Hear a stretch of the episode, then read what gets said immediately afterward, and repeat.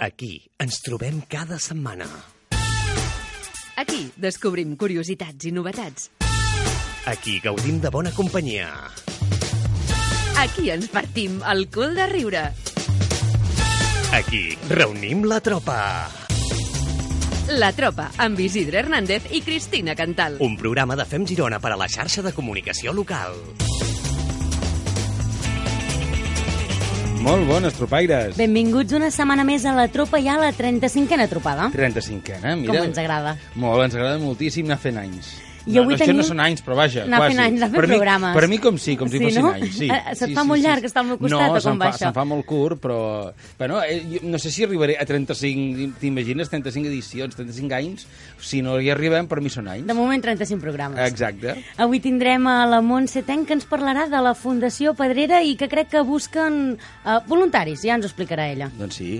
I també tindrem a l'Ulisses. A l'Ulisses Argueta, que ens eh, parlarà alguna cosa així com acabar amb l'operació biquini. Ja li preguntaré perquè jo, jo la començaria, justament.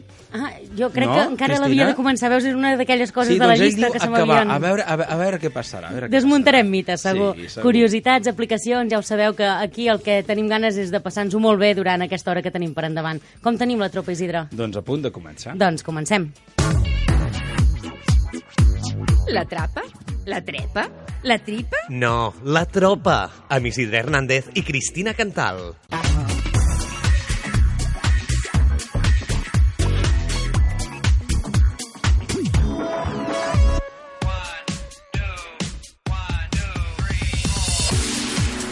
Doncs ara sí, ara sí que ja els podem presentar, els Sí. hi podem saludar. Els, Els nostres, podem presentar, sí. Eh, els Tu nostres mateix. copaires. Vinga, bona tarda, com esteu? Doncs molt bé, estupendos. La Montse ja la tenim aquí preparada, que avui ens vens a parlar de parlar d'una fundació i de voluntariat, no? Vinc a parlar de voluntariat de dos menes, d'hivern i d'estiu, com si diguéssim. Ah, mira, Vaja, per tot l'any, no? És com la moda, no? Exacte. Però en qualsevol cas estem, estem així. Amb... I també tenim a l'Ulisses, benvingut. Hola, bones. I aquí vens a desmuntar-nos mites, acabar amb això que ara la gent està aquí suant, amb l'operació biquini. Bé, tu... vi- vinc a intentar acabar amb el bucle etern de començar-ho, no tenir èxit i deixar-ho per l'any que ve. I tornar a començar, acabar, no tenir Però és èxit... que si i no ens avorriríem. Això ho hem de fer, Ulisses, no? Si No, però què- ho has de fer tot l'any. Però estaria millor ser constant i aconseguir però, coses. Però, però això, i- és, això és una utopia i, i no, no ho farem mai, això. Ja hem presentat els nostres tropaires, saludem també a la nostra audiència que ens escolteu des de Fem Girona o des de la xarxa de comunicació local i comencem sempre com amb la pregunta del dia, no? amb la pregunta incòmoda del dia. Incòmode. No és gaire incòmode. avui. No. No, que bé. Uh. O sí, depèn. Ja. A veure Home, què ens han d'explicar. Sí, sí sempre depèn de, de, què, de què ens diran, eh? A veure, Va, uh, la llenço, eh? La llences. Vinga, va. Expliqueu-nos un dels millors moments de la vostra vida. Home, ui, veus, l'Ulisses ja ha pensat... No. Anava a dir, l'Ulisses ha pensat en alguna malament perquè No, li- no.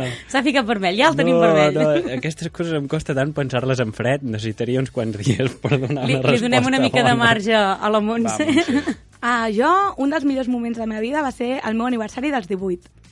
Ah, sí? Per què? Sí, perquè els meus amics van llogar una casa a Tamariu, així en piscina, i van fer una superfesta i no m'ho esperava gens i va ser un dia d'aquests que, que recordes amb molta il·lusió i que quan el Facebook diu mira el que feies fa 10 anys, doncs fa molta gràcia. Fa molt mal quan diu fa 10 anys, Bueno, eh? sí, però bueno. No, molt mal no, celebres que estàs viva encara. Sí. Home. I, I que fa 10 anys el millor moment de la teva vida. No, home, perquè n'hi ha hagut molts No, més. sí, oi, oi, oi, ja sí, comencem molts amb els més, eh? dramatismes. Ja comencem amb els dramatismes. No, home, no. Jo estic d'acord amb tu, eh? Perquè pels 18 també els meus amics haig de dir que que s'ho van currar molt. Sí? I sí, els vaig passar a Mallorca i em van fer durant 24 hores 18 proves. Uau. Algunes molt vergonyoses, vaig passar molta vergonya. Tu, coses vergonya, que tu, a no dia saps- d'avui, no 10 saps anys ni el- després, encara em recorden. No saps ni el que és I quan vaig vergonya. tornar cap aquí, la colla d'aquí també em va fer una gincama per tota, bueno, per, to, per tota la ah, és per comarca. això que tens tantes colles, no? Sí, clar, perquè, així, perquè eh, sí, vas home, clar, s'ha d'anar celebrant arreu. per tot arreu, no saps clar que res, sí. No saps res, tu.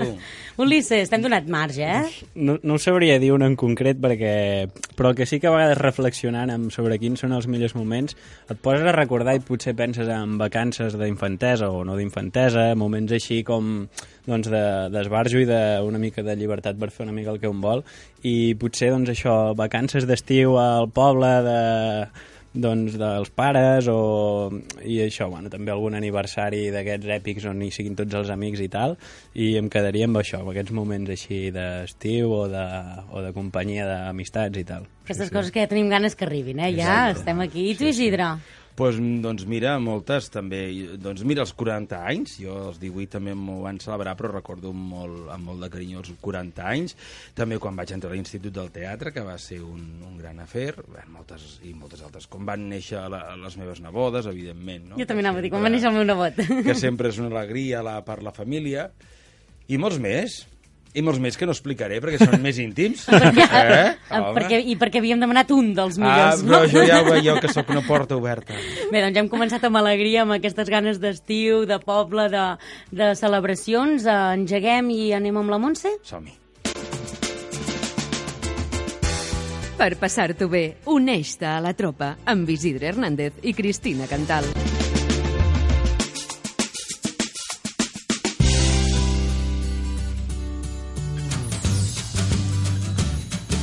I a tu, què et mou? Coneixem diverses iniciatives socials i ens endinsem al món de la solidaritat amb Montse Ten. Doncs anem a fer solidaritat o voluntariat, perquè avui crec que ens volies parlar, parlar com dèiem, de la Fundació La Pedrera. Doncs sí, hi ha una pàgina web que es diu www.acesfalta.org i allà doncs, moltes fundacions i entitats anuncien Un moment, que fem molt mala cara. eh? Tornem Sí, a repetir tornem- la pàgina web. Haces no falta, Haces falta. .org. Ah, és que no m'ha donat temps ni, ni, ni escriure-ho i no sé Ai, si els perdona, nostres Isidre, oients... no ho ha processat. Saps? Exacte. Eh? Ja va bé perquè jo, com sempre vaig una mica enrere, saps? Així els, els, els oients ho senten, home. Vale, Haces intentaré parlar més a poc a no, poc. hacesfalta.org. Ah, que és important, sí, home. sí, sí. Vale, vale. Doncs és un portal on diferents entitats i fundacions doncs, demanen voluntariat, ja sigui per una acció concreta, no? d'un dia concret que fan un esdeveniment i necessiten doncs, molts voluntaris, com per projectes més llargs. I vaig veure en aquesta web que la Fundació Catalunya La Pedrera de Girona buscava voluntaris. La Fundació Catalunya La Pedrera està ubicada a La Pedrera, eh? a Barcelona, eh, però també té una seu aquí a Girona, a l'Espai Social Girona, que està al carrer Santa Eugènia 189. Llavors, aquesta fundació buscava voluntaris per dos projectes, un que es deia REMS i un que es deia PAE. I llavors amb aquesta informació doncs, no em quedava molt clar de què anaven els projectes i vam parlar amb una noia de comunicació i màrqueting d'aquesta fundació que es diu Lluïsa Uller, que ens va explicar una mica de què anaven per si algú diu, doncs va, jo m'apunto a ser voluntari. Mm -hmm. El programa REMS és reforçar i estimular la memòria i la salut. I aquest programa va destinat a gent gran que té algun tipus de de malaltia neurodegenerativa, tipus Alzheimer o que està començant ja a, a tenir un petit deteriorament cognitiu i el que fan és fer activitats per estimular-los, perquè socialitzin amb altres persones i també un suport per als seus familiars i cuidadors. Llavors, aquest projecte és tot l'any. Val? i busquen voluntaris doncs, per tot l'any. I l'altre projecte, el PA, és el programa d'acompanyament per l'èxit educatiu. I és doncs, com un reforç escolar per infants i famílies que, doncs, que necessiten aquest suport per part de voluntaris que, que ho puguin fer perquè no el poden, no el poden fer ells. I hi ha per nens de 6 a 12 anys de primària i per nens de 12 a 16 anys de secundària. Ells diuen que volen acompanyar aquests infants i adolescents tant en les tasques de, de escolars com en el desenvolupament integral, no? d'aprendre a agafar hàbits d'estudi, treballar les emocions i tot això. I això només és durant el curs escolar, des de setembre a octubre fins a juny. Val? Durant l'any, aquest és el durant, de durant l'any que aquest és el de durant l'any que dèiem. Llavors, si algú diu, ostres, doncs jo vull col·laborar amb aquests projectes de la Fundació La Pedrera, doncs tenen diverses opcions. O anar a aquest carrer Santa Eusèbia 189 o trucar a l'Espai Social de Girona, que és el 972 69 66, o al web de Fundació Catalunya, lapedrera.com, hi ha un apartat que diu voluntaris i omples el formulari amb la teva disponibilitat i tal, i, i es posen en Al carrer Santa. Eugènia. Sí. Carrer Santa Eugènia, perfecte, que és on tenim aquest local. I durant l'any doncs, eh, podem tant ajudar a persones grans com, Com a nens i com joves. a nens i joves que necessiten un reforç, no? I ara ve l'estiu i deies, en tenim per tot sí, l'any, no? per tot l'any. Doncs a l'estiu hi ha gent que diu, ostres, jo vull fer alguna cosa de voluntariat i no sé què fer. Doncs hi ha els camps de treball. COCAT és la coordinadora d'organitzadors de camps de treball internacional de Catalunya. I llavors ells tenen moltíssimes entitats des del 2005 que estan vinculades i tu pots també omplir un formulari eh, posant una mica a quins llocs t'agradaria anar a col·laborar, perquè hi ha tots els països del món gairebé, i quines activitats t'agradaria fer, si són més educatives, medioambientals, amb Ui, que nens... xulo.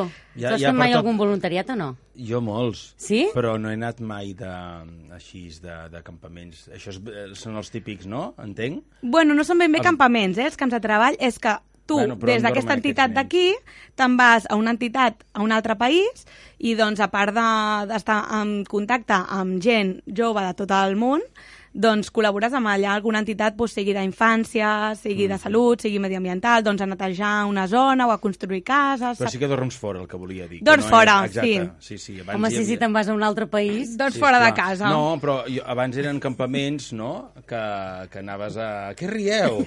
Sí. A veure, abans eren campaments... eh, Clar, Campaments, campaments, Campaments, no? campaments, i, i netejaves Sí. el bosc. És ara que hi ha tantes modernitats que ja m'he perdut. Clar, Vull això dir, depèn. saps Abans el dir? campament eren tendes dir de que- campanya, Què vols dir no? que dorms fora? Fas vivac?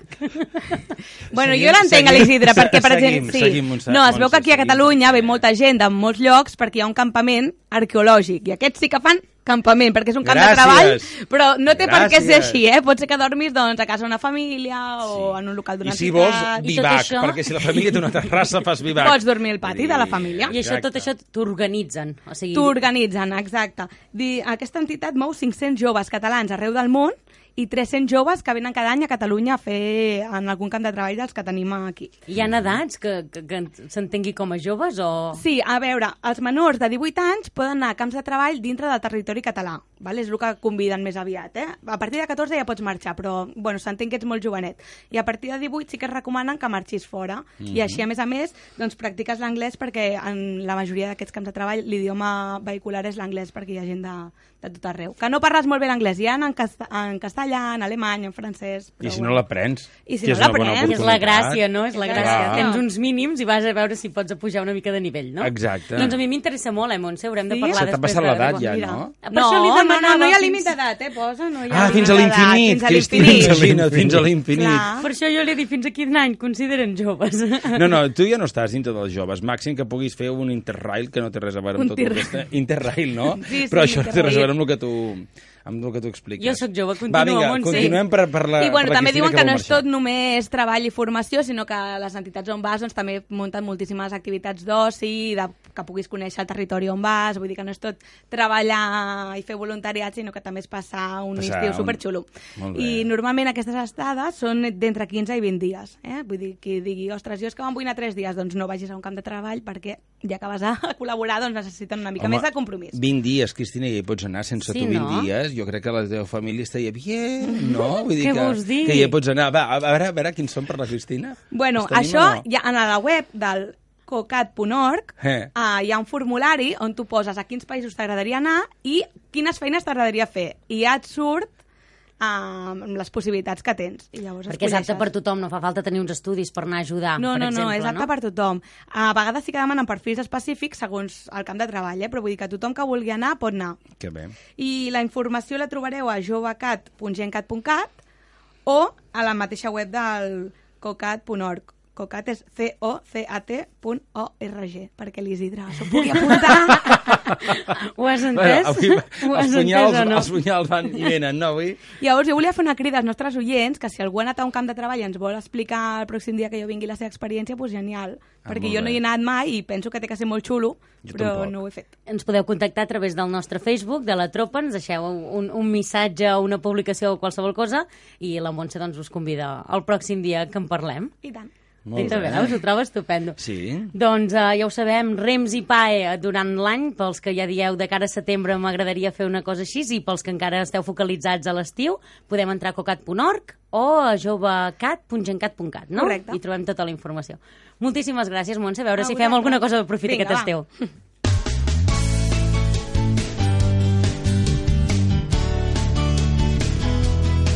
Uneix-te a la tropa i gaudeix amb nosaltres.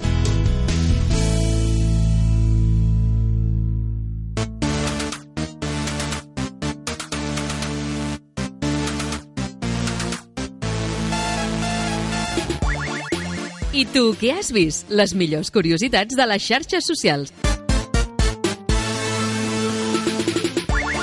Doncs molt bé, després de, de, de saber que pots marxar tu també, Sí, eh? no? gràcies a la Montse, uh, anem a les curiositats, no? Sí, i avui ens hem centrat en diverses curiositats. Curiositats Petites curioses, no? Exacte. Que diuen curiositats curioses, no?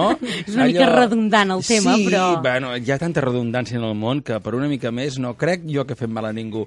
No, doncs és veritat, aquestes curiositats de... Mira, ai, mira quina gràcia, no? Sí. Saps allò que ho sents? Ah, Sí. ah, sí? Ai, en sèrio? Sí? Sí, no? No, no, no, no em I a veure si els eh? nostres tropaires doncs, també en saben alguna. Nosaltres us les direm i vosaltres ens dieu si, perquè- si ja en teníeu idea o si us acabem de descobrir la sopa d'all i podeu anar a dormir perquè ja heu après una cosa nova. Comencem? Va, comencem. Sí? A veure, sabíeu que quan van instal·lar la primera escala mecànica a una estació de Londres, la gent no pujava a l'escala, no hi pujava perquè no se'n fiaven? Ah, Ho sabíeu, idea. això? No, no. No. Doncs mira, doncs al final van haver de contractar un senyor que es passava tot el dia a l'escala vale, perquè els ciutadans doncs, no es veiessin que no era perillós, aquestes escales mecàniques que ara són tan, tan normals per i nosaltres. tan no? útils. I tan útils. Això ningú, sí. ningú pensa en una estació de Renfe que hi hagi a, a, a baix i a dalt, no? sense una escala mecànica. I quan no hi és, penses, en sèrio? Sí, o els I vas amb metros. maleta ja, o els, dius, o els "Ah". metros. Estic segur que hi ha d'haver algun govern que les estigui començant a retirar perquè la gent es mogui més. I faci Això, més això ho podríem, Si manés l'Ulisses. podríem no, haver no, fet, eh? no, que quan vas... si manés l'Ulisses, no. No, hi estic d'acord, que quan vas amb maleta o gent gran necessites sí. escales i sí, sí. Però s'ha de respectar la llei de l'escala Quina és, mecànica. quina és A Londres llei? hi és, aquí no, eh, que sí? Vols dir això? Quina és aquesta llei? Sí, sí. No, perquè és, ja- és una llei d'aquelles no escrites, Sí, sí. mm, però que s'han de respectar perquè realment molesta de- molt. Deixeu-me que us digui que vas a, eh, puges a Girona, qualsevol escala mecànica, i la gent no el segueix. A Barcelona sí, Clar, perquè la gent... perquè porta una més hàbit. Ara, comencem, comencem Estem parlant ja... de que si no camines que et mantinguis a la dreta, Sí. que l'esquerra és via lliure per, per Però avançar. primer, primer una, una llei que hauríem de, de, de seguir tots és primer deixar sortir abans d'entrar. Mm. Perquè és que l'ascensor... Ah, anava a dir, l'escala és l'ascensor... mecànica, No, no? no, no, no, Ja sé que però és una fet, és un fet, contant? no, és que m'ha passat aquest, mat, aquest matí. M'ha passat. Vas, vas cap a... sortint de casa, vas cap a... Ca, surts de l'ascensor i algú ja entra. I no és un, no és un criu de 15 anys que dius, meu, pots entendre, ni 18. Sí, no, sí. Un, un, de la meva edat. I dius, però deixi'm sortir, seny... primera... Bàsicament per primera senyora. practicitat, perquè entrarà, haurem de fer Exacte. maniobres... És que, és que, és que, Sí, és que sí. anirem de... Però són aquelles Hi ha normes Potser no bàsiques t'ha que vist. no... Sí, sí. Bé, els de la segona curiositat. Operació Bikini, quin, va. diríeu, quin diríeu que és el joc més venut de la història? Ah, molt Jo no bona. puc dir perquè ho sé. El Mario Bros, un d'aquests, de no, no? o- Algú més... Més vell, el cúbic. El cub de Sí o no? Rubik, Sí? exacte. Ah, amb cúbic. 380 milions d'unitats venudes i, per cert, el seu creador hem de dir que va tardar a l'any 1974 un mes per aconseguir resoldre'l. O sigui, ell ho va crear, però després havia de practicar a veure si allò era possible o no, eh? I hem de dir que ara hi ha persones que ho poden fer en menys d'un minut o en, en segons. segons, en el rècord segons. del món és al·lucinant. No És- sé quan és, però ho veus i quedes... Hem de descobrir el truc. Sense el truc... Ah, té un sistema que no el conec, eh? però es veu que es pot estudiar. El meu pare una època va agafar amb les instruccions i podies aprendre a solucionar el cub de Rubik. Increïble. I t'ho ensenyava tot orgullós, no? Ah, bueno, sí, he aconseguit una cara, una altra, l'he fet sencer. Jo no ho he provat mai. No sé. Pròxima curiositat. Doncs sabíeu que una calculadora actual que tingui l'opció de fer gràfics és molt més potent que un ordinador que l'ordinador que portava el primer coet que la NASA va enviar a la Lluna? Ho sabíeu? Ostres, No, no. no, no hi havia pensat mai. Tot i que realment va arribar, l'home va arribar a la Lluna? Per Jo què no hi ha la teoria de la tornat? conspiració, eh, una Per què no hi ha No, tornat? Jo sempre penso, per què no hi ha tornat? No, Sí, sí, sí, que- que s'hi ha tornat. S'hi ha anat més vegades a I no- buscar no ens ho han dit. mostres de minerals. I... Ah, sí? Sí, sí, no. I per què no ens ho han dit? Sí, per, per, no se n'haurà fet tanta publicitat, però sí que s'hi ha anat. Sí? I tant. Diria que després dels americans, els russos van dir nosaltres no serem menys, i a més a més, Ah. aquests països mateixos hi han tornat. O està plena de banderes la lluna americana, russa, americana, russa. Ah, no, no sé si hi ha més banderes o no, però A s'hi mi ha anat més m'agradaria d'una a mi vegada. m'agradaria saber si... Sí, sí, que- sí. que- Això ho has tret, Ulisses Font? Ostres, és cultura general. És cultura d'un general. Cop. Ja Vaja. us ho buscaré en concret Vaja. i, i el pròxim dia us ho Home, porto. sí, no? Sí, jo que crec ho que a dia d'avui sí que hi deuen haver tornat. Que en aquell moment si anés o no, no ho sé. Jo en aquell Això ho moment... deixarem- ho tingut- deixarem a l'aire, sí, no? Sí, sí. Una història d'aquestes curioses, curioses, i que és ben bé que dius que curiosa que és la vida, no? Podríem deixar així. Una dona de Nova York va salvar la vida d'un nen que, que acabava de rebre un cop eh, amb un bat de béisbol fent-li el boca a boca i bé, el típic massatge cardíac, mm. doncs el, el va recuperar. I set anys més tard, aquest mateix nen, que ja era un noi, no? Uh, sí. va veure com una dona s'asfixiava en un restaurant i li va fer la maniobra de Hemlich, que consisteix doncs, a, a pressionar fort l'estómac, no?, per, per treure el que se t'hagi quedat aquí ennuegat, i la va salvar. I després va descobrir que era la mateixa dona que l'havia reanimat de petit. Uau. O Ostres. sigui que... Això és com de començament de llibre. Eh? Sí, no? Sí, Mm, Pots copiar-t'ho per una Sí. novel·la. No, home, no m'ho copiaré pas jo, perquè jo no escric, entre altres coses perquè no escric, però vaja, eh, això és una, no, a, a, a, a peli. Per, un, per Una una obra de teatre, Per una obra de comences teatre, així i després sí. descobreixes la vida del nen i, i de la dona. Oh, sí. Porten vides paral·leles. T'imagines? doncs va, seguim. Sabíeu que un 15% de les persones trenquen la pantalla del mòbil el primer mes d'haver-lo comprat? Uh. Sí, Aquesta en estadística- Júlia està fent que sí amb jo el crec, cap. Jo, jo crec que, que, que sí, eh, que tots hi hem passat, jo també. eh? Jo no, a la pantalla no. No? Què has trencat, tu? Un altaveu. Se'm va caure i un dels altaveus no funciona, però bé. Un altaveu? Un altaveu, sí, sí. Jo sí. fa poc que tinc mòbil nou, nou i haig de reconèixer que el primer dia se'm va escapar de les mans i ja va caure a terra. Però el està primer bé, dia. Oh, que amenaces, Està bé, està bé. Cristina. Sí, no, no amenaces, no manetes, que és més gran el mòbil que la meva mà i se'm va escapar. A mi... Però si no te compris una tele, compra't una, una, una, perquè tu t'has És comprat que allò... venia d'una coseta molt petita i vaig dir, ara no, ara, ara, ja, sí, aquí ara pantallassa. grosses, eh? Continuem. Quan l'abella reina es posa malalta o és molt vella, no? coses d'aquestes que passen, les altres abelles se li posen al damunt perquè aquesta mori per un excés de temperatura i deixi de patir. Es coneix com l'abraçada de la mort. Sigui, és la seva manera de fer eutanàsia, Bueno, diguéssim, Hay amores no? que matan, diuen. Sí, Eh? Doncs mira, és consentida o no? I, I no sé si li intenten robar la corona o alguna cosa per veure qui és la pròxima reina, no? Juego de Tronos. No, crec que no, crec que ja està com... És, és, són molt jeràrquiques, elles, es veu, eh? Vull dir que ja ho tenen... Que ja hi ha la com- successora preparada, no? Sí, sí, sí. Hi ha sí, noblesa sí, sí. en el món. Sí, sí, es veu que sí. Sí, realment és molt... Sí, sí, que és, és molt jeràrquic, eh? La... Sí, sí. I si xoquen dos reines també hi ha problema, eh? Dos galls en un galliner no canten bé. Oi, això, és, oi. això és de tota la Ja vida, havies eh? de dir, ja havies de Ja dir aquí. l'havia de dir, ja Encara no havia dit cap refrany i portem quasi mig programa. No, No podia, ser, no, no podia podia ser, ser, no eh? podia ser. Sabíeu que l'any 1999 els creadors de Google van intentar vendre l'empresa a una companyia que es deia Excite i els directius d'aquesta la van, van rebutjar l'oferta perquè no estaven disposats a pagar un milió de dòlars pel buscador. Uau. Ho sabíeu? S'estaran arrepentint. Jo però- jo crec que sí, jo, jo crec que tots sí. calvos d'arrencar-se els cabells, no?, de pensar-ho. Bueno, potser ho haurien gestionat diferent. Potser Google ha arribat també per com s'ha anat gestionant. Sí, segurament. Saps què vull dir? Que No, també no. podria haver quedat com un buscador més, que en n'hi ha molts, l'únic que tothom, Sí, és generalment, veritat. Sí, sí. utilitza Google. Tots, no? Jo crec. I a veure si això... Tu que ets més friqui amb aquestes coses, Ulisses. Ja t'ha tocat, ja t'ha tocat. El... Ah, sí, aquí, avui, avui corren els punyals, eh? ja ho dic jo abans. Friqui I que amb bé que orgull, ens ho cap passem. problema. Clar que sí. Si aneu a Google, precisament, i escriviu Zerg Rash, o sigui, Z-E-R-G Rash, R-U-S-H, el mateix Google es menja els resultats de la cerca. Ho vaig comprovar, funciona. Com ho has dit, Et això? Jo surten- vull provar. veure. Mira, Zerg Rash, Z-E-R-G, espai, R-U-S-H.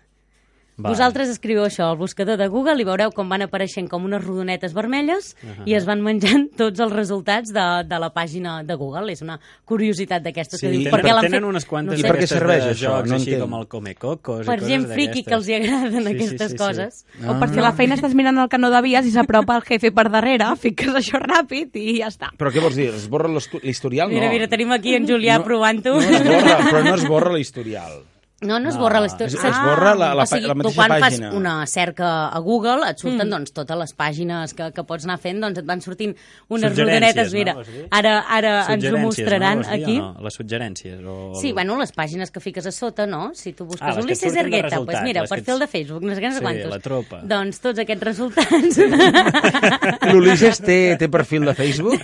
Ai, de Facebook sí, perdó, de, de webs i però tot. Sí, I tant, no, no tinc web, però vull dir que si em busques sortirà allà que, es, que participo a la tropa. Ah, Clar, molt bé, home, clar, molt bé. S'ha buscat, s'ha buscat, eh? Jo vull saber Qui no, a veure qui no s'ha buscat a Google? Exacte, que aixequi la mà qui no s'hagi buscat. Vale. Aita, aita. No, jo no l'he buscat, però m'han buscat i sé que surto, clar. Aita, sí, sí. Sabíeu que el cervell és incapaç de sentir dolor d'ell mateix? D'ell mateix què vol dir? Què vol dir? Mira, que el cervell processa el dolor de les diferents parts del cos, com Mm. tots sabem. Però si algú ens pressionés el cervell amb un dit o amb una Ah. punxa, no ho notaríem. O sigui, no tindries mal de cervell. No, exacte. Ah, has vist, has vist. Això sí que... Eh? És curiós, és curiós, sí, sí. Per tant, et podrien operar el cervell obert perquè no ho notaries. Home, notaries La quan, closca et quan faria la closca mal. et faria pupa, eh? Cristina? Va, anem Però et a... podrien fer rotllo arare, que fa un xa, un xa, xun, xun, xun. i cap problema. I anem amb la darrera curiositat del dia. Sabeu quin és l'animal que vola millor? Va, aquí opcions, vull que, ho, que ho endevineu. És un insecte o un ocell? Ai, Ai, tu ja has anat un pas pregunta. més. És un insecte, és un insecte. És eh, l'insecte colibrí? No. Colibrí no es paga si un insecte. No, però hi ha un insecte que és l'insecte colibrí, que Ah. s'assembla al colibrí. Sap, en sap moltes de curiositats, aquest nano, eh? també, eh? El contractarem en ell mentre perquè fa faci la secció. Mentre fa gimnàs, jo crec que va, va llegint una revista, no? I, El Muy Interesante, una d'aquestes. Una d'aquestes, sí. Eh? Molt bé, molt bé. Molt bé. Va, digueu, digueu. Eh, no sé. ja sabeu que és un insecte. I mira que són emprenyadores. Les- les mosques. Les mosques. La mosca és l'animal que vola millor. Hi ha diferents estudis doncs, que han demostrat que, que és l'animal volador més capacitat per fer caigudes en picat i piruetes comparables doncs, amb, els, amb, amb els avions de guerra. O sigui que... Per això és tan difícil de caçar, no? Exacte. Hi ha tècnica, eh, per caçar-la. Sí, Deixa'm explicar tècnica. la Home, curiositat. sí. Uh? I l'apuntem a curiositat veure, extra del dia. per caçar una mosca. Ho has de fer encarant-la des de davant, aproximant-te més o menys a uns 20 centímetres. T'has de... Um, o sigui, no t'esperis massa perquè a menys distància Però clar, salten. un moment, ha d'estar quieta. Ha d'estar quieta. Ah, L'has vale, d'agafar clar. quan estigui parada. I quan la tinguis, això, exacte, a uns 20 centímetres aproximadament, llavors has de llançar la mà, diguéssim, per agafar-la. Però has de saber... Això és qüestió d'anar agafant pràctica, no? Com, com... Ja cada veus que vegada- passes uns estius molt distrets al poble. perquè agafis Sí. pràctica de fins a quin punt pots anar apurant, apropar-te abans de que salti la mosca. I tu has, has deduït que són 20 centímetres. I, i s'ha de... És que un cop vaig llegir un article sobre això. Que dic, mentre fa, mentre fa cames, Però a mentre més a fa més- cames, va llegint articles. No, no, I el molt bé, tio molt bé. explicava, no recordo qui ho havia escrit, però explicava això, hi havia gràfics i tot, i dibuixos de la mosca, i deia, de cares és millor perquè li costa més fugir, etc. Vull dir que... Molt bé. Ja Clar, perquè d'anar marxa enrere. Exacte, exacte. Ha d'anar marxa enrere i no més li va fer- bé. Doncs mira, intenteu caçar mosques i veure si, si la Si teoria és acabem certa. com l'Ulisses, no? Si acabem com l'Ulisses, ja No? està Millor bé. que et sembla, anem a parlar amb l'Ulisses i que ens desmunti aquí tots els mites de Més, però si l'operació ja ha xerrat prou. Vinga, va, anem, anem a per l'Ulisses.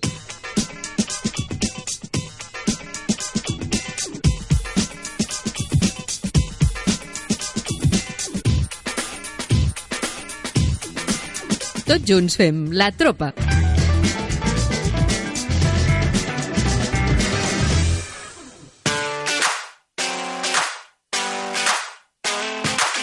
I tu, com et relaciones amb l'entorn? Posem-nos en forma i desmuntem mites amb Ulisses Ergueta. Comencem a fer una coreografia quan sona aquesta música, no? Jo m'he girat i veig a la Montse i a l'Isidre tots motivats amb els braços Home, amunt clar, ballant. perquè això Village sona... People, eh, Ah, del YMCA. ah, core... Home, clar, sí. perquè no ens podem posar drets, que si no semblaria un Paquito Chocolatero, no? Però, bueno, i així... Home, si us animeu a fer la coreo de la tropa, la gravem i la pengem al Facebook. Ah, sí, A veure, home. encara Jo ens farem sí, youtubers sí, la famosos. dirigiràs tu, sí? no? Sí, sí, mira, en Julià hi està La d'acord. dirigiràs tu, no? Ah, sí, si jo us dirigeixo jo, i ah, gravo, i vosaltres feu. Molt Perfecte. bé. Mon, Montse, sí, Sí, eh? sí, tant. Molt bé. Bueno, Ulisses, a veure, acabar amb l'operació Bikini. Clar, jo què- torno a dir, a veure, haurem de començar. Sí, haurem- justament. Bueno, a veure, un moment, matisem, ja l'hauries d'haver començat. L'operació biquini tradicional, al maig, s'ha d'haver come- començat. Al maig. Sí, sí, sí. Home, som maig, no? Bueno, però és igual, a, a veure, és- som a principis de maig, no? I es, pot- es pot començar ara. O ha de ser l'1, ha de ser en el l'1. moment que no pots fer És que miracles ell és de, així, de maig a juny. li diuen uh, uh, 1, doncs 1, doncs no, el No, també pot no ser. pots fer miracles de maig a juny. Com que no? Deixa'm parlar, l'Ulisses. Ulisses, va, digue'ns. Digue'ns. d'acord amb la Cristina. Què vol dir acabar amb l'operació Bikini? No ho sé, per això has vingut. Per què ho dic? Perquè l'operació Bikini porta implícita en el seu significat que és un bucle infinit que comences, acabes i tornes a començar any rere any perquè no assolim objectius o perquè quan els hem assolit una mica eh, els acabem deixant perquè ja està passant l'estiu i... Eh, el que, això, és Això el que passa, dir, però no? a la, hauria de ser el contrari. Quan la No, gent veu una mica de canvi, Sí. almenys em passa a mi això. relaxen, no? Exacte. En Dius, vez de "Oh". motivar-te i dir, doncs ara més, Ostres. dius, ah, no, mira, O, ole. sí, ja he perdut 4 quilets. O ja Ara em estem puc a- permetre un vinet. Sí. Ara unes tapetes, eh? Llavors, apa. Ai, Vinga. els 4 quilos, i ja han tornat. Sí, sí, que això, us parlaré de l'operació Bikini amb una mena de fals testimoni que he preparat per analitzar tot el procés. I us O porto... sigui, se'ns has inventat un testimoni. Sí, Val. Molt bé. Quina Molt imaginació. científic. Exacte. I us porto una pel·lícula i un llibre fent una mica d'Héctor, que us porto una pel·lícula. I, i això, la pel·lícula és Campeones, que eh, bé, us la volia comentar perquè em va agradar molt i té relació amb, amb el món de l'esport, um, perquè és Tracta sobre en Marco, és un entrenador professional de bàsquet que és força dèspota i malcarat, tot sigui dit, i es veu enmig d'una crisi personal i laboral que el porta a entrenar un equip de persones amb discapacitat.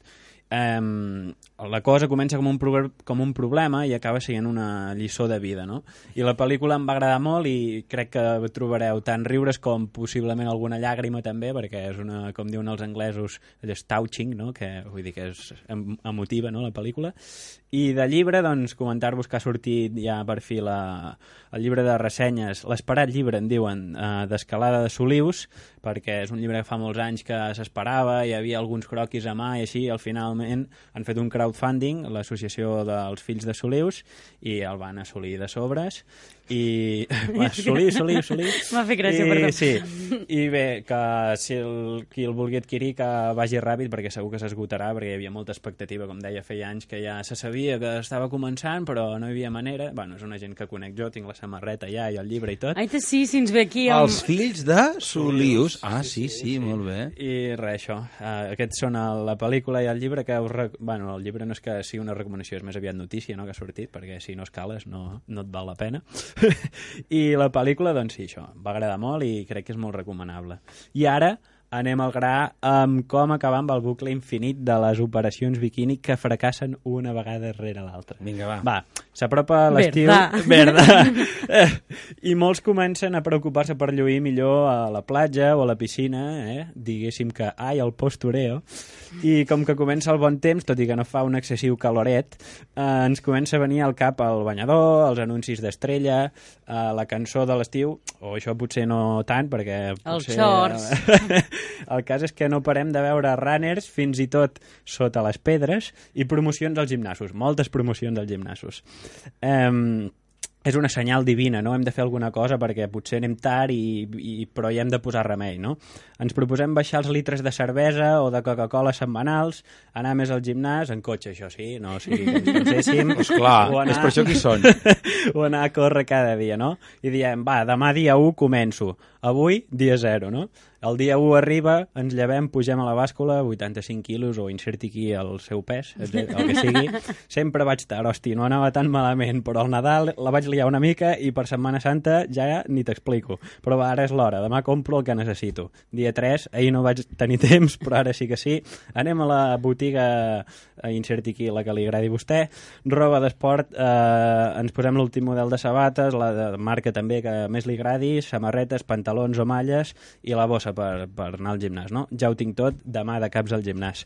Dia 4, avui quan surti del curro vaig al gym. Sortim de la feina a les 6, arribem a casa a quarts de 7, tinc gana i no vull agafar una pajara al gym, berenaré quatre galetes i un plàtan, acaben siguent 10 galetes.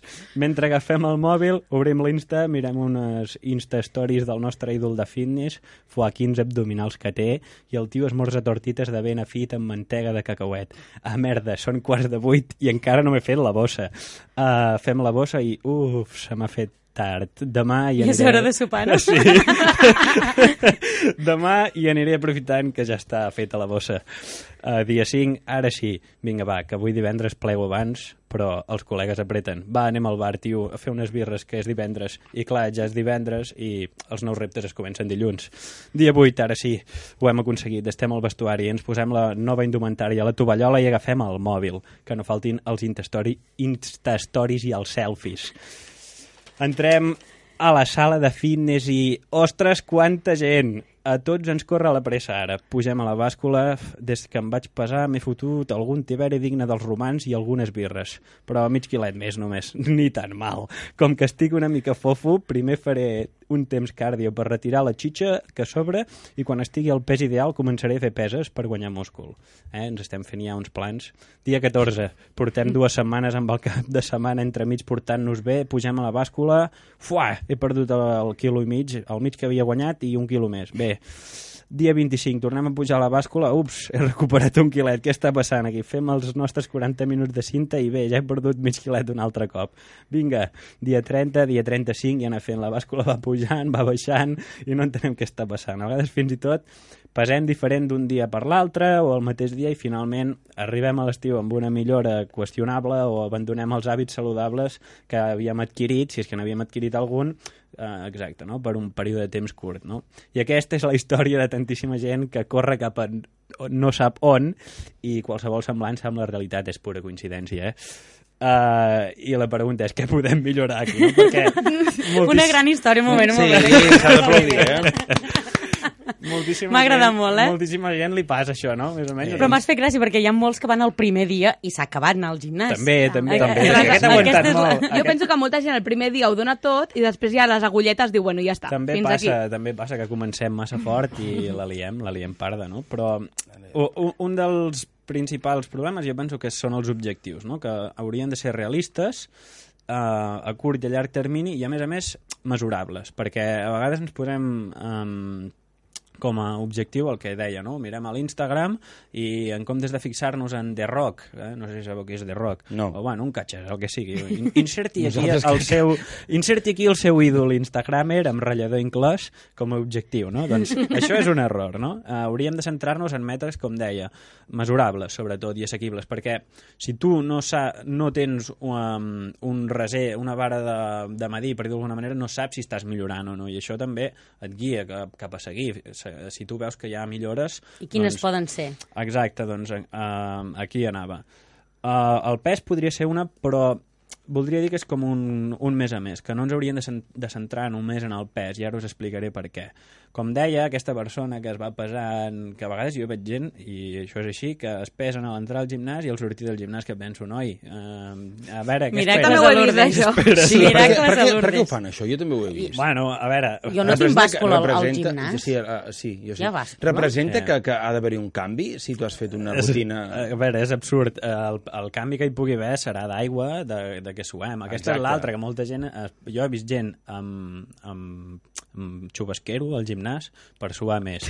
Error, ja ho dic. L'únic que he farà vist, és... jo ho he vist amb, amb paper de... Bueno, paper, no, paper film, sí, sí, sí, aquest sí, film, el plàstic aquest, Plàstic sí, aquest. Això, Totalment. això corre molt viralment, que és com el nou mètode és per que jo he perdre vist pes. eh, influencers d'aquests que, que el- se'l posen. Quina ràbia. Gent perquè és famosa i tal, i la gent s'ho creurà. No. O sigui, perquè tingui abdominals el panoli aquest, o panola, digue-li com vulguis en femení, la panoli, no, no, o sigui, quina enganyifa que posis plàstic a la panxa, el que fas és suar més, i és que només és suor. O sigui, si suéssim greix, trauríem molt i, engan... o sigui, llafiscós. No, o sigui, no. I amb olor de vés a saber què encara. No, no serveix de res, no, doncs. no serveix de res suar. I el que, el que us deia, per què el pes? Dic que no només el pes, perquè és molt, fluctua molt eh, en, en poc temps. Aleshores, el pes pot servir com a llarg termini, no? doncs com deia, si ens imaginéssim una gràfica de com anem baixant des del mes 1 fins a d'aquí 5 mesos, eh, en tota la baixada aquesta hi haurà petits pics i baixades i pujades, però eh, eh, mirat en distància veuríem que estem baixant. Per què hi ha aquestes fluctuacions? Doncs perquè el nostre múscul emmagatzema glucogen. El glucogen muscular seria el, el, el carbohidrat que mengem i eh, nosaltres quan el buidem perquè entrenem perdem pes, quan tornem a ingerir eh, aliments amb carbohidrats torna a pujar, a més a més la hidratació, a, aquest glucogen va relacionat amb, amb aigua, el múscul s'omple d'aigua i de glucogen, per tant més pes. Un altre, un altre dels motius, com deia, pot ser l'hora, eh, l'hora en la que ens pesem. Um, si un es pesa eh, quan s'acaba d'aixecar i després d'anar al lavabo, doncs pesarà menys. Hi ha qui es pesa abans i després, a veure què, què, Quina ha, és la què ha parit, no? no? Bueno, Doncs, I llavors hauríem de preguntar si, si és bona aquesta obsessió de pesar-se tant, que hi ha gent clar, que ho no, fa, per, eh? eh, per això dic, per mi no, o sigui, un error és pesar-se cada dia, perquè primer que és l'obsessió aquesta i, i no hi guanyem gaire Bueno, i, per res, exemple, no? amb les dones mateix, amb els homes pues, ho desconec més, no? però amb Sí. les dones mateix realment, depèn a quin punt del mes estem, mm, Sí. no té res a veure amb No una, a amb una veure, no. mateixa, dir, Exacte, pujaràs sí. i baixaràs per amor a l'art i com, per i com cicle. deia, hidratació, o sigui, és, és molt variable. Aleshores, és una cosa que el pes, com un més a més, i com a alternativa, per exemple, um, en comptes del pes o només el pes, estaria bé que agaféssim el perímetre de la cintura. Agafem una cinta mètrica i a l'alçada del malic, um, relaxat, perquè no s'hi val, ara faig eh, allò de tirar la panxa endins i ara fora. No, no, exacte, no fem hipo, hipopressius. Sí, això ho fan quan, quan hi ha foto, no? Ah, aquesta és l'altra. A l'Instagram hi ha molt que fa hipopressius. Per I que les fotos foto. des de dalt Ah, estilitzen exacte, molt. Les fotos des de dalt estilitzen molt. Um, llavors, pes i alguna altra manera de mesurar-nos, no? Um, amb pocs recursos, el més fàcil és la cinta mètrica o... I amb la roba també t'ho veus, no? Vull dir, Sí, amb la roba t'ho Cada veus, cop t'apreta, passa que- és que... Colló, si tu veus. Eh, és Mec, bona mec, mec, alarma. És, aquesta et pot servir, el que passa és que no és tan mesurable, no pots dir, doncs... Bueno, com vaig sentir una dona, diu, la, ens, ens adonem que ens engreixem quan ja no ens corden els pantalons, però mentrestant no, i és veritat, mentrestant no, i el problema és quan ja no et corden, llavors, ai! És una Però compra diuen, tallar eh, més... que Ara hi ha molts pantalons elàstics, eh, però Veritat, és veritat. aquí ens enganyen, eh? Doncs això, no? Jo el que faria, si fos algú que ara eh, vol fer doncs, el propòsit de millorar el seu, la seva composició corporal, és això, no? Que per, com a mesura i com a objectius, si tens un objectiu estètic o doncs dir, doncs vull, estic en tants centímetres de cintura i vull arribar a tants, o bueno, pots tenir un objectiu de pes, no està malament, però bueno, això és més a llarg termini, doncs això, no? Uh, mesurar el perímetre abdominal i pesar-se doncs, millor els matins, no? després d'anar al lavabo. Ara Sí, dèiem, sí, aquesta obsessió de pesar-se cada dia, quin seria l'idoni, per exemple? Pues dir, Bueno, et pots què, pesar... ho un cop a la setmana, sí, un cop et al pots mes? pesar un cop a la setmana, millor que sigui el mateix dia sempre, o a la mateixa, A la mateixa hora. Si et posa els divendres, quan m'aixeco, o els diumenges, no sé. Mm, Hi haurà Mal dia, diu, diumenge, "Ostres, millor divendres, diumenge no, eh?" dia". I dilluns Cada mal dia també, que ha arribat el cap de setmana. Ja- ja- Divendres, després de portar-te la vegada. setmana, Sí, no? I això. abans de diar Ja no li estem fent cas, ell ens diu que ens cuidem tot l'any. És veritat. Sí, a veure, I és que ja ho fem. Um, aleshores, l'altre punt, no? Uh, molta gent que passa? Que comença amb, amb, amb allò que diu, ah, jo és que vull tonificar, o com deia aquest fals testimoni, no? que jo primer m'aprimaré i després vull guanyar múscul. Això ho he sentit mm, moltíssimes vegades. Um, què és el millor? No? Doncs des del primer moment treball de força, perquè quan una persona que eh, és sedentària eh, comença a primar-se perquè si és sedentària haurà de fer un dèficit calòric a través de restricció calòrica, de menjar menys, parlant clar. Um, Uh, què passarà? Que perdrà massa muscular, a part de que ja en té poca, perdrà, en perdrà més encara. Aleshores, des del primer moment, entrenament de peses i de força, uh, intentar ser una persona més activa, si no pot ser, doncs la, restri la restricció calòrica pot ser necessària, perquè, com deia, hi ha d'haver un dèficit calòric. Llavors, com puc buscar aquest dèficit calòric? O bé la restricció calòrica a través dels aliments o augmentar uh, l'exercici. Estic rient perquè he enganxat a la Montse agafant Fent una el- polleta d'aigua que estic fent així. Dic, Ah. no, Montse, Sí, ah, que amb, sí. aquest, amb aquest pes no crec que fem gaire Ens res. feia peses amb la Sí, polleta. no, Són sí, 500 allò. mil·lilitres, eh? No 33. Atenció. Això ja... Atenció. Home, jo crec que a partir d'un i mig, no? Exacte. I mig. Bé, doncs com deia, no podem buscar aquest, aquest, la balança energètica, aquest desequilibri d'augmentar el, el dèficit um, o bé uh, amb la restricció calòrica o amb l'augment de despesa energètica. El millor, doncs, combinar les dues coses, moure's més, perquè així no haurem de menjar tan poquet com un ocellet. Si ens movem més i gastem més, podem menjar una mica Però el més. cardio també és bo.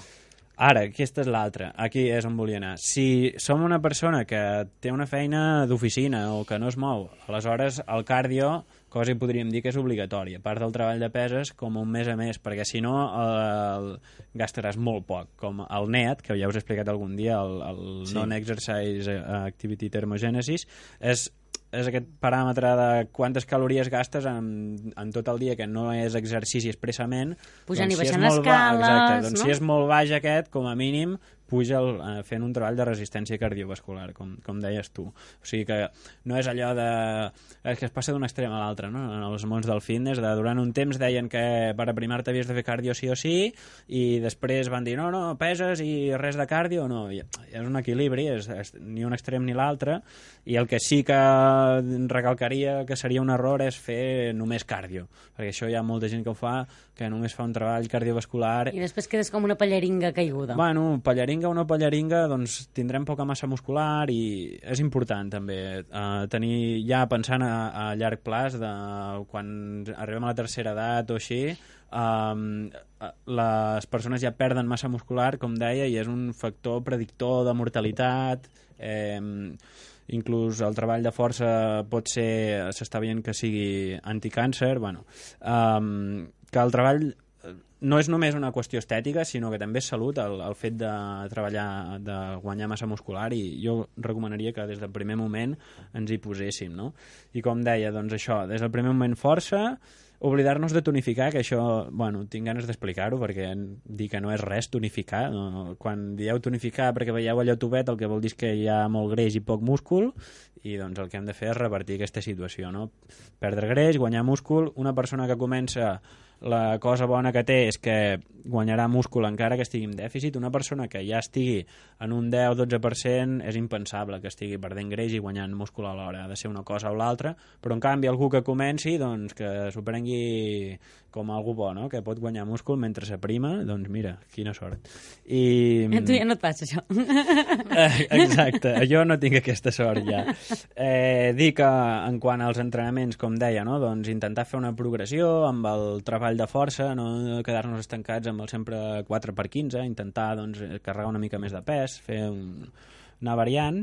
Eh, podria afegir, ja que hem vist el fals testimoni aquest que entrava amb el mòbil per fer els intestoris, molta gent perd temps amb això, jo recomanaria no entrenar amb el mòbil, que quan és entrenar és entrenar i ja està, i oblidem-nos i també desconnectem una mica i per últim hi ha el suplement, res, que eh, molta gent vol començar per la casa per la taulada. Escolta, no tindries alguna cosa per guanyar múscul o per aprimar més ràpid? No, o sigui, suplements eh, són un més a més que no és ni necessari ni imprescindible, això que no us vengui la moto ningú, poden ajudar o poden acabar de... Bueno, fer algun extra, però no faran miracles si la base o la piràmide segueixes no la compleixes. Amb això, respecte a això, hi ha una piràmide molt bona d'un entrenador que es diu Eric Helms, que, que, el que el que hi ha a la base de la piràmide és balanç energètic, el següent són macronutrients, que vol dir proteïna, carbohidrat, greixos, micronutrients, vitamines, etc. Nutrients, el, el timing és una cosa secundària, que això també hi ha molta gent que es pensa que menjar més cops o menys al dia eh, et pot fer aprimar més o menys, no, és igual. O sigui, les calories totals no li importen al cos si te les has fotut en dues sentades de 1.000 o en 6 de 200. Però diuen que cada cop que, que tu te'n fas la digestió es cremen X calories. Per Clar, tant, no, però això és proporcional al que tu ingereixes, llavors... no vol dir que cremi més eh, i jo només m'hagi menjat no, un iogurt si menjo sis desnatat, cops no? al dia m'aprimaré més. Mentida podrida. O sigui, Aquí desmunta tots els mites, Sí, eh, eh? Ulisses? dos Ara o que- sis no importen, el que compta és el total i ja està. I llavors, alguna Però, vegada... bueno, serà per altres coses, no per aprimar o engreixar, sinó si les ingereixes de cop, diguéssim, serà més dolent pel, pels Ah, intestins, clar, això està clar, no? més Però no digerir- té res a veure amb... No, clar, en quant a aprimar-se o no, i aquí jo penso que l'elecció és més de cada un. A mi m'agrada fer més dos o tres àpats grossos que no tirar-me menjant cada una o dues hores. Això, doncs, bueno, és més l'opció de cadascú i també penso que quan tires més cap a aliments reals i que t'enganxen menys a, cap al sucre i que et generen aquests pics d'insulina i aquesta ànsia de per el dolç, acabes espaiant més el menjar perquè tampoc tens la necessitat de picar, picar cada dos per tres. Mhm. Vull dir que, bueno, uh, i això seria tot, més o menys, amb la piràmide aquesta que I que ho aguanteu tot l'any i l'any que ve a l'estiu estareu A veure estupendos, si, si ho no? intentem aguantar, exacte. Molt bé, Ulisses. eh, Com sempre, aprenem molt amb l'Ulisses. Sí, Ara sí. falta posar-ho en pràctica, Ah, no? sí. Tenim la teòrica, ara falta la A, a, pràctica. veure, a veure, l'any que ve si estem ja amb Operació Bikini. Anem a veure aplicacions? Vinga, en un moment.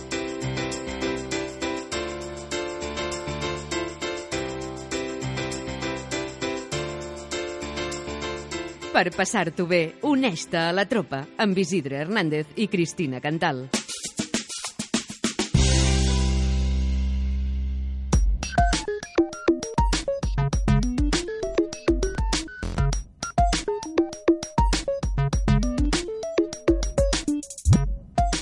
Tu, què app portes? Descobreix l'aplicació més extravagant del moment. Doncs anem cap a les curiositats, set curiositats sobre Instagram. Exacte, avui eh, no us portem aplicacions mm, així eh, concretes, sinó que ens hem centrat en l'Instagram, que per avui ha sortit molt a la conversa. Sí, l'Insta, l'Insta. L'Insta, eh? tu. Dius Insta. Fa gràcia. doncs sí, us portem set curiositats sobre Instagram. Comencem amb la primera. Vinga. Instagram va ser creada per dos estudiants de la Universitat de Stanford, en Kevin Systrom i en Mike Krieger, i eh, va ser el seu primer projecte just després d'acabar l'últim curs de la universitat. I en un principi s'havia de dir Bourbon, i després li van posar Codename i al final doncs van decidir-se per Instagram, que la veritat ara ens sona molt normal, també ens, sonar, ens sonarien bé els sí, altres, no? també, si li haguessin posat, però es va quedar amb Instagram. I el primer cop que algú va fer servir el concepte selfie a Instagram va ser el 16 de gener de 2011. L'usuària arroba genli, J-E-N-N L-E-E, va ser la primera persona a pujar una foto amb el hashtag eh, selfie, i en aquella època la gent es referia a les selfies com a autofotos, eh? Que és el que és una selfie, Exacte. però clar, no, no era tan famós com, No, com és ara com ara. mateix, havia no? el palo selfie. No havia... No hi havia, no. Això sí que ha estat una tres, tu, el palo selfie. Sí, però és una d'aquelles compres que igualment es queden a casa, perquè mai penses agafar Ah, el palo Exacte. selfie, i quan... el pal selfie, parlem bé, el pal selfie, però realment mai te penses en portar-lo i quan el tens també et fa com mandra, no? Vull dir que, que res, que no serveix per res, que tens raó. No que per això el regalen ara, Però ja. Demanes a algú que et faci la foto i ja està. I ja està. Uh, una altra curiositat, la tercera. Segons alguns estudis que analitzen l'activitat a Instagram, el millor dia per penjar fotos i tenir més likes és... Quin diríeu? Algun que hi hagi feina. Divendres? Segur que no és un festiu. Uh, entre setmana, no ho sé, dilluns, dimarts, dimecres. Diumenge. Sí no? Sí. Sí, Fuà, ser diumenge Diumenge. a la- a la tarda. És el dia relax que tothom Que deu tothom estar avorrit a casa amb el sofà. Sí, exacte. Diumenge. Si vols si fer anem- famós Instagramer, Sí, diumenge. Com, com anem d'endevinalles, quin és el hashtag més utilitzat en el món? Uau. Uh, alguna cosa fitness o alguna Jo així. dic foodies. No, això no té un món. Foodies. no? I tu? Més foodies, més aquests que els Ah, agrada menjar, que porn. pengen... Un... Doncs food no, porn, no sí. us oblideu de l'amor. Oh. és Oh, love, love. és love. I no és bonic. És love, però ja està. Maquíssim. Uh, L'any 2004 uh, era quan la, en Mark Zuckerberg, Zuckerberg, no ho dic mai bé, que Zuckerberg. no? Zuckerberg. Uh, va oferir-li feina a un dels creadors d'Instagram, en Kevin Systrom, perquè s'incorporés a l'equip que estava desenvolupant Facebook. Ell, però, ho va rebutjar i anys, me- anys més tard doncs, es creava Instagram. El més bo de tot és que el 2012 uh, Zuckerberg uh, va decidir comprar Instagram per mil milions de dòlars, un negoci rodó per Systrom, no tant per en Marc, no?, directament. I que la primera foto que es va penjar a Instagram va ser la foto d'un gos. Eh? I la va penjar... com no. Sí, O d'un gat també podria haver estat. sí, però en aquest cas va ser d'un gos. I la va penjar un dels seus fundadors, en Kevin Systrom. I finalment que el 60% de les persones registrades a Instagram, què diríeu que són? Ah, d'homes o dones? Sí. Mm, dones? Dones, sí. Ahà. I el 40% restant són nois. Bueno, homes. Uh, la veritat és que, bueno, encara està bastant més equil... Sí, està bastant, bastant equilibrat, sí, eh? Jo crec que a sí, dia sí, d'avui... sí, sí, Sou molt sí. de penjar a Instagram o no? Jo sí. Jo el Facebook ja l'he deixat per obsolet, ja no el faig servir, però l'Instagram sí. Mm, Molt, molt, Això molt. està passant, eh? Que tot es va... Jo ir- sóc irregular, de tant en tant hi penjo alguna cosa, i el Facebook el faig servir molt per per equipar, veure coses Per de... fer- per espiar? No, no, Espionatge. no. Temes de, de que m'interessin a mi, d'articles, notícies, mm. etc. Molt, molt informatiu, molt Jo, informatiu. jo el les fotos, servir. més allò, he tirat una foto que m'agrada i tal, les penjo a l'Instagram. Instagram, Sí, perquè és, sí, no. sí. és la xarxa de les Sí. fotos i de les Ah. I, emocions, per, I no no? cal posar res més, cap, cap, no? Cap, Cap text, Cap no? text Un ni... hashtag i ja sí, està. ja està. Sí, És- ja està. sí, ets, és més fàcil. Ets minimalista, Ah, jo, Isidre. jo sí, jo sí. Molt bé, doncs ja sabeu aquestes curiositats d'Instagram que us hem presentat avui i ha arribat el moment d'acomiadar-nos. I love farem. seeing you happy. I miss seeing that smile. It's been such a long time. And although I don't have you, I know now that I need to somehow make you mine. And I won't lie, it's hard seeing you with him. Doncs, com dèiem, ha arribat el moment d'acomiadar-nos i ho fem de la mà de Michael Bublé amb Megan Trainor amb aquest Someday, que us haig de dir que si entreu a YouTube i ho poseu, tenen un vídeo genialíssim. Mireu-lo, a mi em va fer molta gràcia, em va agradar moltíssim. Sí. Avui hem tingut un programa molt entretingut, Isidre. Molt, moltíssim. Hem tingut a la Montse, que ens ha parlat sobre la Fundació La Pedrera i sobre els camps de treball. Hem tingut... Jo hi aniré aquest estiu, va. o si més no m'ho miraré. Ja, ja ho sabem tots que hi m'ha aniràs, agradat. ja ho sabem tots. A l'Ulisses Argueta, que ens ha, ens ha explicat com acabar amb l'operació Bikini. I fer bé les coses d'una vegada. Sí, que ja toca, que ja toca per ser sempre Operació Bikini. Clar que jo sí, soc, està- Mira, ja està, hashtag, jo sóc Operació Bikini. eh? Què us sembla aquest? No, sisplau. No li ha agradat, no li ha agradat. No? N'haurem de buscar una Vaja. Curiositats i fins i tot aquestes curiositats sobre Instagram, aquesta xarxa que tots utilitzem i que a vegades doncs, també té informació que desconeixíem, no? Sí. Ha arribat el moment d'acomiadar-nos, Isidre. Una Sí. salutació a tota l'audiència que ens escolteu des de Fem Girona o des de la xarxa de comunicació local. I nosaltres ens veiem la setmana que ve. I tant, aquí Teniu una cita aquí. Adeu. Adéu.